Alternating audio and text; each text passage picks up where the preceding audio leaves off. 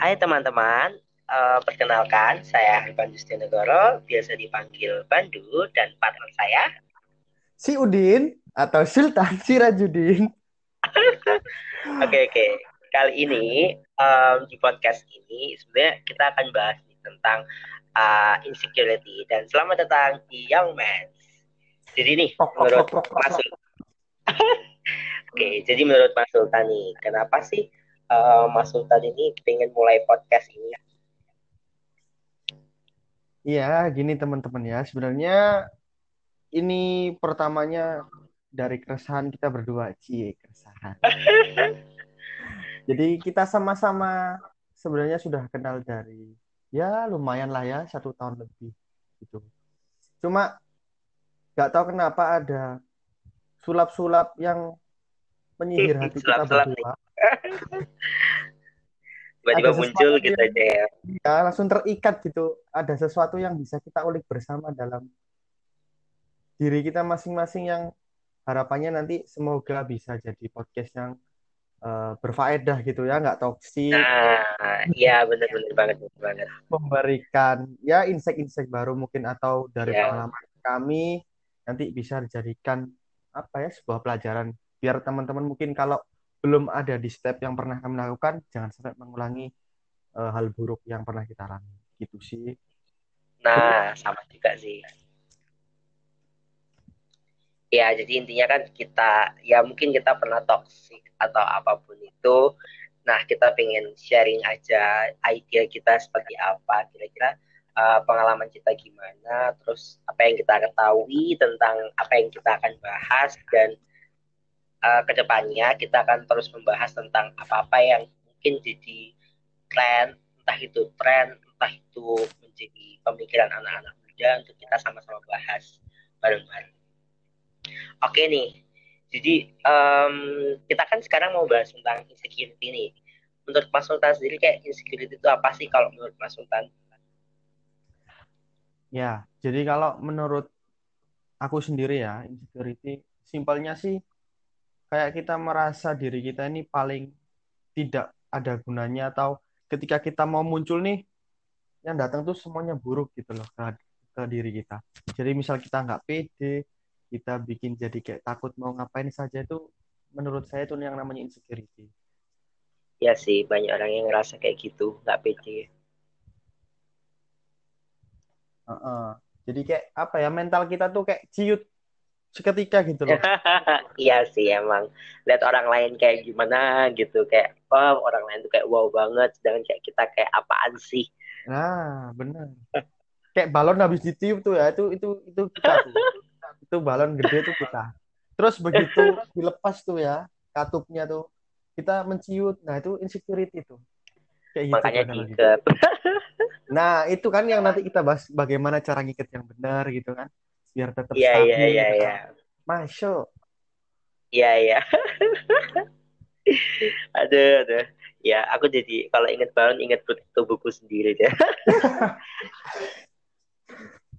ya ya ya sih benar sih. Jadi kalau menurut aku sih apa ya insecure kan dari kata insecure ya aman. Jadi kalau insecure itu kayak ngerasa nggak aman.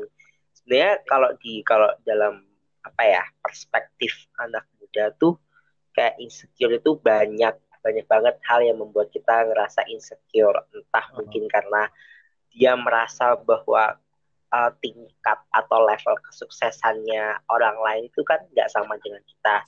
Dan kita ngerasa tertinggal oleh uh, kesuksesan yang dimiliki orang lain. Entah karena insecure karena kita punya kekurangan dan orang lain itu nggak punya kekurangan yang kita miliki sehingga kayak kita tuh ngerasa insecure gitu. Entah itu mungkin dari bentuk tubuh prestasi pencapai ya pencapaian atau prestasi ataupun kehidupan ataupun bahkan masalah dan hal-hal kecil pun ya kayak gitu sih. Benar, benar, tapi nih menurut Pak Sultan nih kira-kira apa sih yang bikin kita itu atau mungkin Pak Sultan sendiri ngerasa insecure atau pertanyaan detail uh, dasarnya adalah Mas Sultan pernah insecure nggak sih? Nah, ini nih seru nih. Jadi kayak nanti sedikit cerita gitu ya, nggak apa-apa ya? Ya, nggak apa-apa kan kita memang cerita dari awal. Oke, jadi kalau ditanya apa namanya uh, damp, apa namanya penyebab gitu ya penyebab insecure awalnya. Kalau menurut saya sih kayaknya setiap orang beda-beda dan nggak ada ini ya detail khusus gitu kan. Ya mungkin kalau mau di list gitu mungkin secara umum bisa kita pelajari gitu kan. Cuma kalau secara uh, spesifik kayaknya nggak ada deh. Kayak eh, mungkin entah kepercayaan diri, entah karena trauma atau lingkungan-lingkungan yang mungkin kita hidup sehari-hari itu juga bisa menyebabkan kita insecure. Nah, kalau pertanyaannya awalnya adalah apakah saya sendiri gitu ya pribadi ini pernah merasakan insecure? Saya rasa kalau saya mau flashback lima tahun ke belakang gitu ya, rasanya setiap hari isinya insecure terus gitu. Oh my god. Terlalu pedih gitu saya. Gimana gimana? Nah, jadi gini teman-teman, saya pernah merasa insecure ketika ya ini bukan untuk menjelekkan siapa pun gitu ya, cuma dari pengalaman hidup saya, saya pernah seperti mungkin kita dibanding-bandingkan gitu ya uh, dengan entah saudara kita yang mungkin lebih berprestasi atau mungkin lebih apa ya eh, gampangannya nurut gitulah ya sama orang tua terus bisa diandalkan gitu misalnya.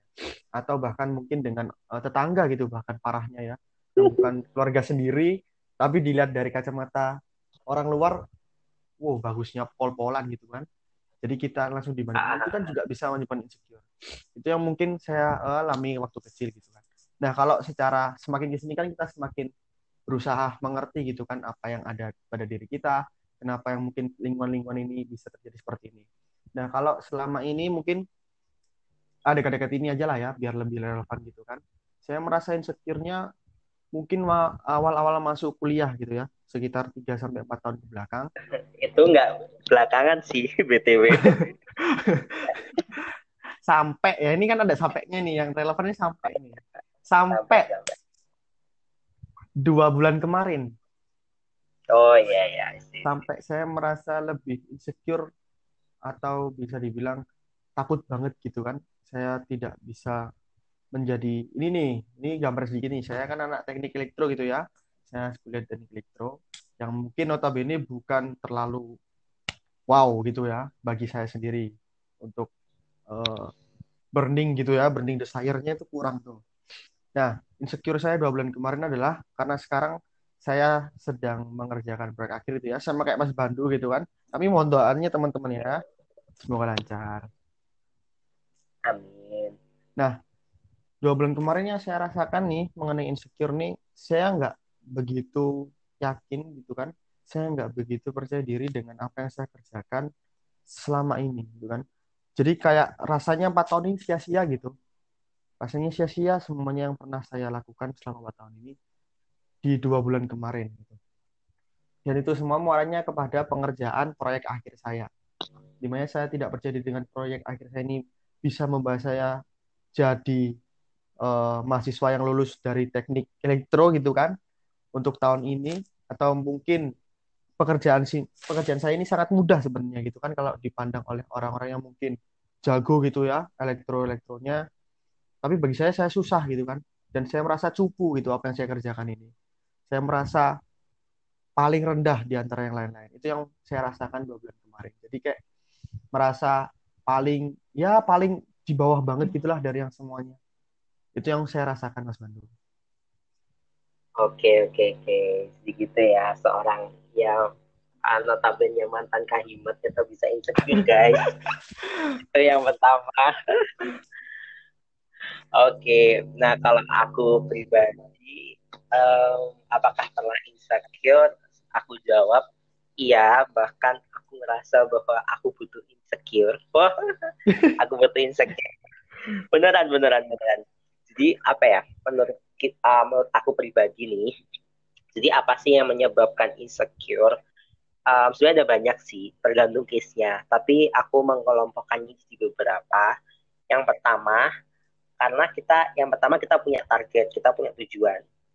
Uh, misalnya gini, aku tuh punya insecure, mungkin sama kayak Mas Sultan sekarang.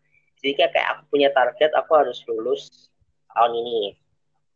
Meanwhile, aku tuh sekarang uh, masih progres yang bisa dikatakan ya aku nggak mau bilang minim juga sih tapi intinya kita ngerasa nggak aman karena kita belum selesai untuk menyelesaikan tugas akhir hmm. yang harusnya harus bisa selesai di bulan depan.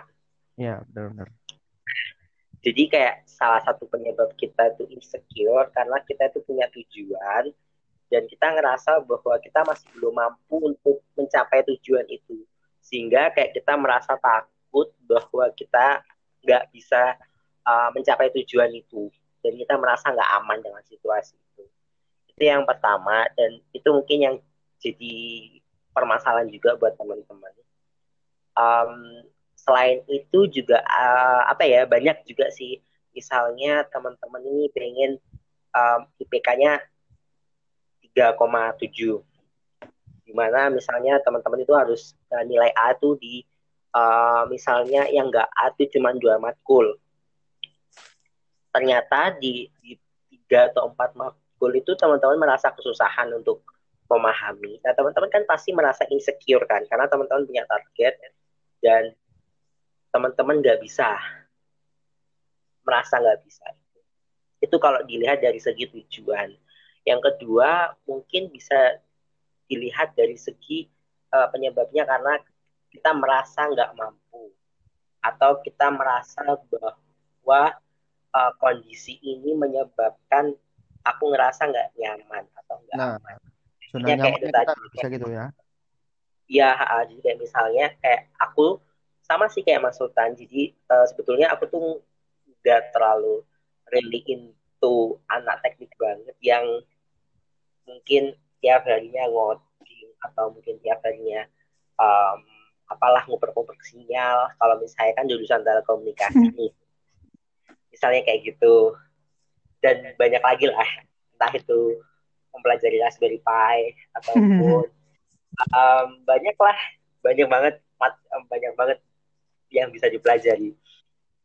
Nah, kayak apa ya? Aku ngerasa bahwa um, awalnya memang aku ngerasa bahwa saya tuh nggak bisa nggak bisa menjalani kehidupan saya sebagai mahasiswa teknik pada awalnya. Et, ya seperti itu.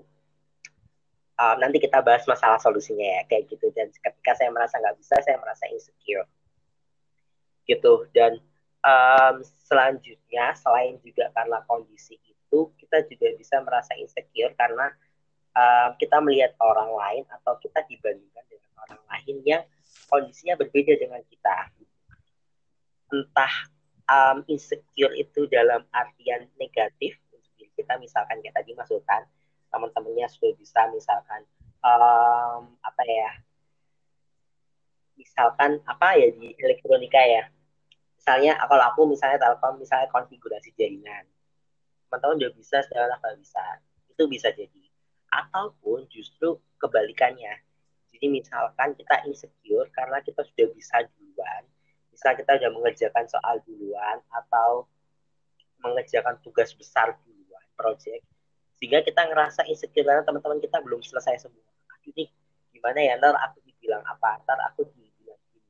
Ntar ntar kayak gitu dia ada macam-macam sih dan itu bakal banyak banget kalau kita bahas. Gitu. Jadi kalau aku dan aku ngerasa aku butuh insecure karena apa? Sebenarnya um, manfaat ya aku aku bisa bilang sih tergantung dari perspektif kita ya kita menilai seperti apa. Jadi aku ngerasa bahwa aku butuh feeling insecure karena ketika kita feeling insecure itu kita jadi tahu kita jadi tahu bahwa kita nggak aman. Nah, ketika kita merasa nggak aman, otomatis kan kita selalu menyiapkan strategi untuk ya supaya kita bisa bertahan.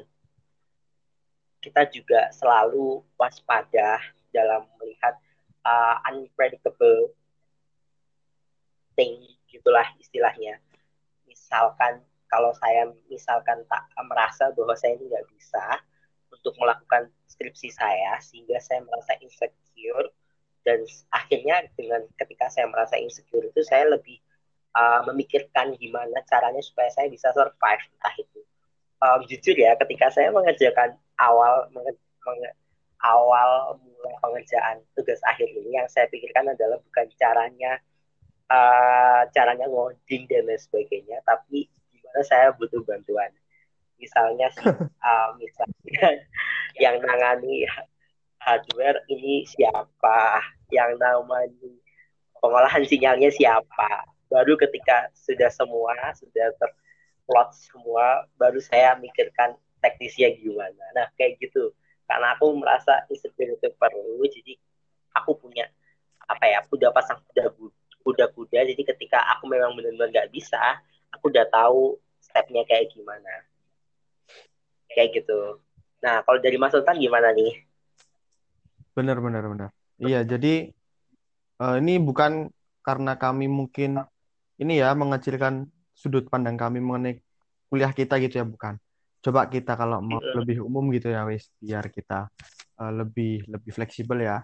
Kalau menurut saya uh, apa namanya sering kali kita mungkin di awal nih kita melakukan sesuatu yang pastinya ya pastinya yang kita suka gitu kan yang kita pingin cuma ya, ya. kadang kalau kita melakukan sesuatu yang kita suka dan kita pingin tanpa tahu batasan diri kita nih itu yang nanti akhirnya jadi kayak lebih kepada kita nanti mengharapkan sesuatu yang nantinya kita nggak dapetin mungkin ya di akhir kita nggak dapetin itu juga bisa menyebabkan mental kita tuh terganggu salah satunya mungkin insecure ini ya.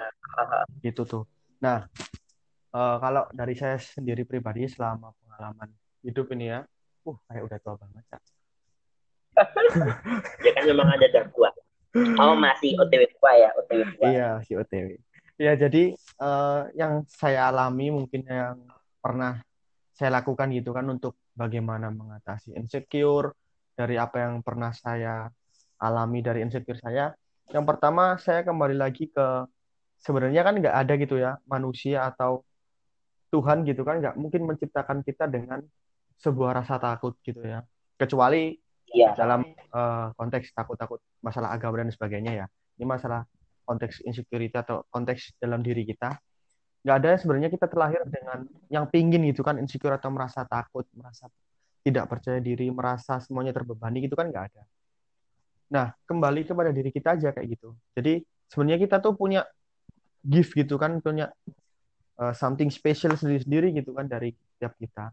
Cuma kalau kita mungkin belum pernah mengidentifikasi atau belum pernah untuk menyadari itu, alangkah baiknya jangan sampai kita apa ya, kita mengikuti tren orang lain atau mengikuti orang lain yang mungkin di awalnya kita sebenarnya sudah merasa aku sebenarnya nggak cocok nih di sini nih, tapi ya udahlah nggak apa-apa aku coba nih, gitu kan. Kadang-kadang kan juga ada yang coba-coba tuh. Nah, yang, ya, yang pertama jangan sampai memaksakan lah, jangan sampai memaksakan apa ya kehendak teman-teman. Dan mengutamakan ego atau nafsunya teman-teman. Ketika teman-teman sudah merasa di awal tuh tidak cocok gitu misalnya. Sudah nggak cocok tuh. Sudah atau terpaksa gitu ya eh, kasarannya. Terpaksa jangan sampai dipaksa ketika teman-teman memang belum siap. Itu yang pertama. Kedua kalau teman-teman sudah pernah mengidentifikasi apa nih yang saya miliki nih apa nih yang bisa aku unggulkan apa yang mungkin bisa aku kembangkan aku optimalkan gitu kan Nah, sudah fokus di sana aja udah. Uh, terlebih nanti hasilnya seperti apa, terlebih nanti di belakang ada apa pun yang datang gitu ya ke kita. Kita fokusnya bukan kepada nanti bagaimana masalah itu semuanya akan datang, gitu kan. Tapi bagaimana nanti masalah-masalah ini datang tuh kita bisa menghadapi apa yang jadi spesialnya kita. Wah, Kok kayak Golden Wish ini ya? Malah sekali-sekali. Gitu sih. Itu mungkin cara terbesar atau yang pernah saya lakukan selama ini ya. Jadi kalau insecure dalam hal yang umum gitu kan. Tadi kan sudah bahas secara spesifik tuh selama kehidupan kuliah kita ya saya dan Mas Bando kalau secara umum seperti ini nih kalau dari saya. Dan mungkin ya lebih uh, mudahnya gitu kan. Terakhir ya mungkin pilihlah lingkungan-lingkungan yang suportif lingkungan-lingkungan yang membangun kita biar enggak takut merasa nggak percaya diri atau yang ya gampangnya anak sekarang kan ngomongnya toksik gitu ya yang tidak pernah toksik ke kita menghindari hal-hal yang mungkin membuat mental kita lemah. Seperti itu sih. Benar benar iya sih karena apa ya um, yang aku alami juga jadi kadang itu kita awalnya merasa insecure karena di lingkungan kita tuh sebetulnya nggak mendukung gitu loh.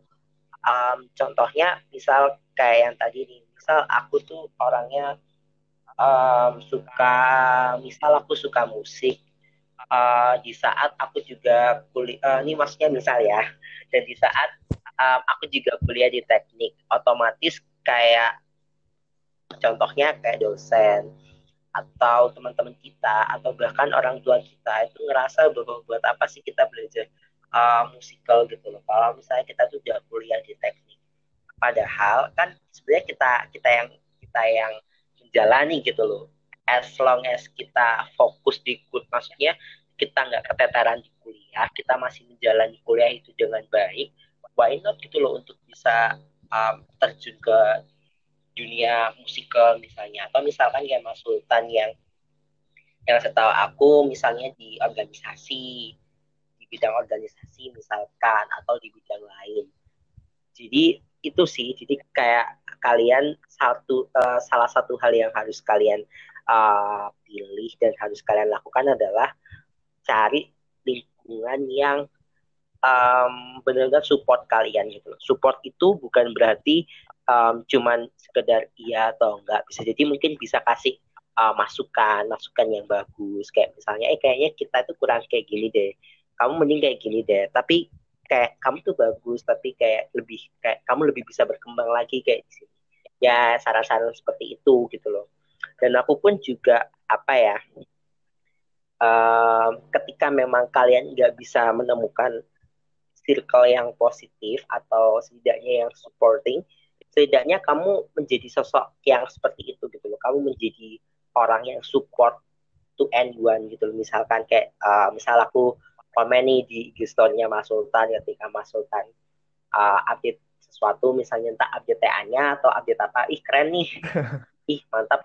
Lanjutkan. Kayak jangan lanjutkan nanti kayak jadi kayak logbook nanti.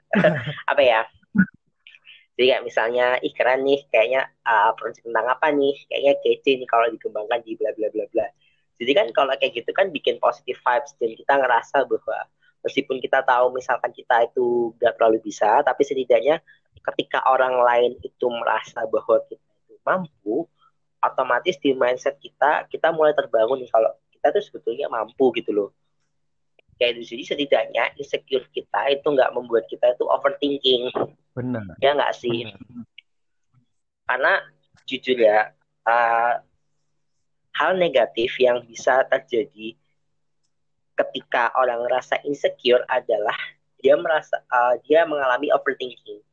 Dia ngerasa bahwa dirinya tuh nggak bisa, dirinya nggak mampu. Even kalau um, hal terburuk yang bisa dia terima adalah dia jadi patah semangat. Dia jadi nggak ngelakuin apa-apa malahan karena dia ngerasa bahwa dia nggak mampu dan dia nggak pantas untuk melakukan itu. Gitu sih. Jadi kayak bener banget kayak kita harus benar-benar pilih-pilih sih untuk circle terdekat kita lah setidaknya untuk bisa support itu. Bener. Nah lucu. Itu sih dan nah bener-bener nah lucunya nih ya Mas Bandu ya. Gini nih. Gimana gimana gimana? Ini kan permulaan dari kita gitu ya yang inginnya memberikan kebaikan. Gitu. Oh, sok-sok. Amin. Lewat podcast ini. Nah, kalau kita mau cari-cari atau bahkan mungkin yang ya cobalah kita refleksi sebentar gitu ya. Kalau kita mau mikir gitu, awal kita mau mikir apa nama? Kita mau bikin podcast ini bisa jadi loh kalau kita insecure tuh. Kenapa, Jam? Iya, iya. Um, gini sih, uh, uh, to be honest kayak aku tuh ngerasa gini kayak aku tuh sebetulnya nggak terlalu aku ngerasa insecure karena ketika aku kan sebetulnya suka ngomong dan aku sebenarnya suka ya suka aja sharing gitu loh. Meskipun ya mungkin menurut teman-teman yang lain uh, nggak uh, terlalu penting misalkan ya the worst thing tapi aku ngerasa senang aja. Nah aku merasa insecure ketika aku tuh terlihat secara fisik. Jadi kayak aku ngerasa insecure aja gitu loh dilihat dilihat secara fisik makanya kayak aku mikir kayak banyak sekali kan sekarang platform podcast entah di Spotify ataupun di mana pun itu platformnya yang bisa akomodir yang bisa mengakomodasi hal itu gitu loh makanya kayak aku langsung aja ajak siapa ya yang um, sekiranya uh, bisa nih nah terus kemudian aku langsung aja ngajak Mas Sultan untuk bergabung wow. Wadaw. Dan jujur guys, ini untuk nyiapin ini um, kita ya berapa minggu Mas Sultan? Dua minggu ya? Ya sekitar dua minggu dua mingguan lah. Kita kayak maju nggak maju nggak entah kayak aku juga ngerasa takut takut minder insecure. Mungkin Mas Sultan juga sama dan kita masih beberapa crash di beberapa waktu. Jadi kayak wow dan akhirnya sekarang terwujud. Nah, tepuk tangan dong tepuk tangan. nah gitu teman-teman. Jadi apa ya sebenarnya setiap kita melakukan ya gampang-gampangnya setiap waktu deh. Kayaknya kalau kita nggak percaya diri kita takut. Setiap saat uh, sekitar kita tuh kayaknya insecure insecure insecure insecure gitu ya. Iya. nah jadi ya coba jalani aja dulu. Kita coba usaha dulu lah yang terbaik. Mengingat kita juga ya. apa ya punya sesuatu yang istimewa gitu. Kita nggak mungkin lah manusia ini bobrok-bobrok banget gitu kan nggak mungkin nggak ada sisi ya. positifnya. Nggak ada nggak mungkin nggak ada yang ingin apa ya jadi orang toksik selamanya kan nggak mungkin gitu. jadi ya pasti ada sesuatu yang nah, benar. Sama ya kayak tadi yang cerita sama Mas Bandu tuh. Kita mau bikin podcast ini juga. Sebenarnya takut takutnya apa sih? Coba yang pertama. Takutnya takutnya pertama mungkin ya kalau kita mau berekspektasi tinggi takut nggak ada yang denger tuh takut nggak Setidaknya kita berdua harus denger lah. nah, tuh kalau kita punya ekspektasi tinggi gitu ya. Kalau misalnya kita nggak berekspektasi deh, kita cuma iseng-iseng. Apa yang kita takutkan misalnya? Kita takut nih apa yang kita omongkan nanti kita nggak pernah me, apa ya? Kita nggak pernah melakukan tapi kita omongkan. Jadinya kayak nanti tidak bisa memberikan sesuatu hal yang memang benar-benar kena gitu loh ke teman-teman. Atau mungkin takutnya kita nanti malah tidak bisa memberikan apa ya om ilmu-ilmu yang sebenarnya pasti gitu ya karena berdasarkan pengalaman. Kan bisa aja kayak gitu. Ya, ya. Benar benar. Dan, dan um, ke depannya uh, saya dan Mas Sultan sih berharap bahwa kita bisa konsisten untuk melakukan ini. Dan teman-teman bisa dengarkan ini entah itu waktu misalnya waktu makan siang, entah itu waktu teman-teman cuma lebaran aja sambil chatting, bisa dengerin ini gitu loh. Ya karena itulah kemudian podcast sehingga kita manfaatkan seperti itu. Dan kira-kira kita mau bahas apa di next podcast, Mas? Nanti lah ya, mungkin ada. Iya, nanti. Ya, itu. Nanti lah. Oke, jadi um, seperti itu. Jadi um, sebenarnya kita berharap sih bahwa um, ke depannya untuk semua yang pendengar, semua pendengar di sini adalah bahwa teman-teman ketika merasa insecure itu wajar, tapi jangan sampai insecure itu mengubah teman-teman untuk merasa merasa bahwa teman-teman gak layak, underrated atau apa pun itu istilahnya um, selama hal itu masih positif yang teman-teman lakukan lakukan aja. Karena kan kita uh, muda ini kan pasti masih banyak jatah gagalnya. Termasuk yang kita lakukan sekarang ya mungkin terlihat banyak sekali eval dari teman-teman. Nah sama juga. Gitu. Oke teman-teman. So tunggu di next podcast bersama saya dan Mas Sultan. Benar. Thank you. Thank you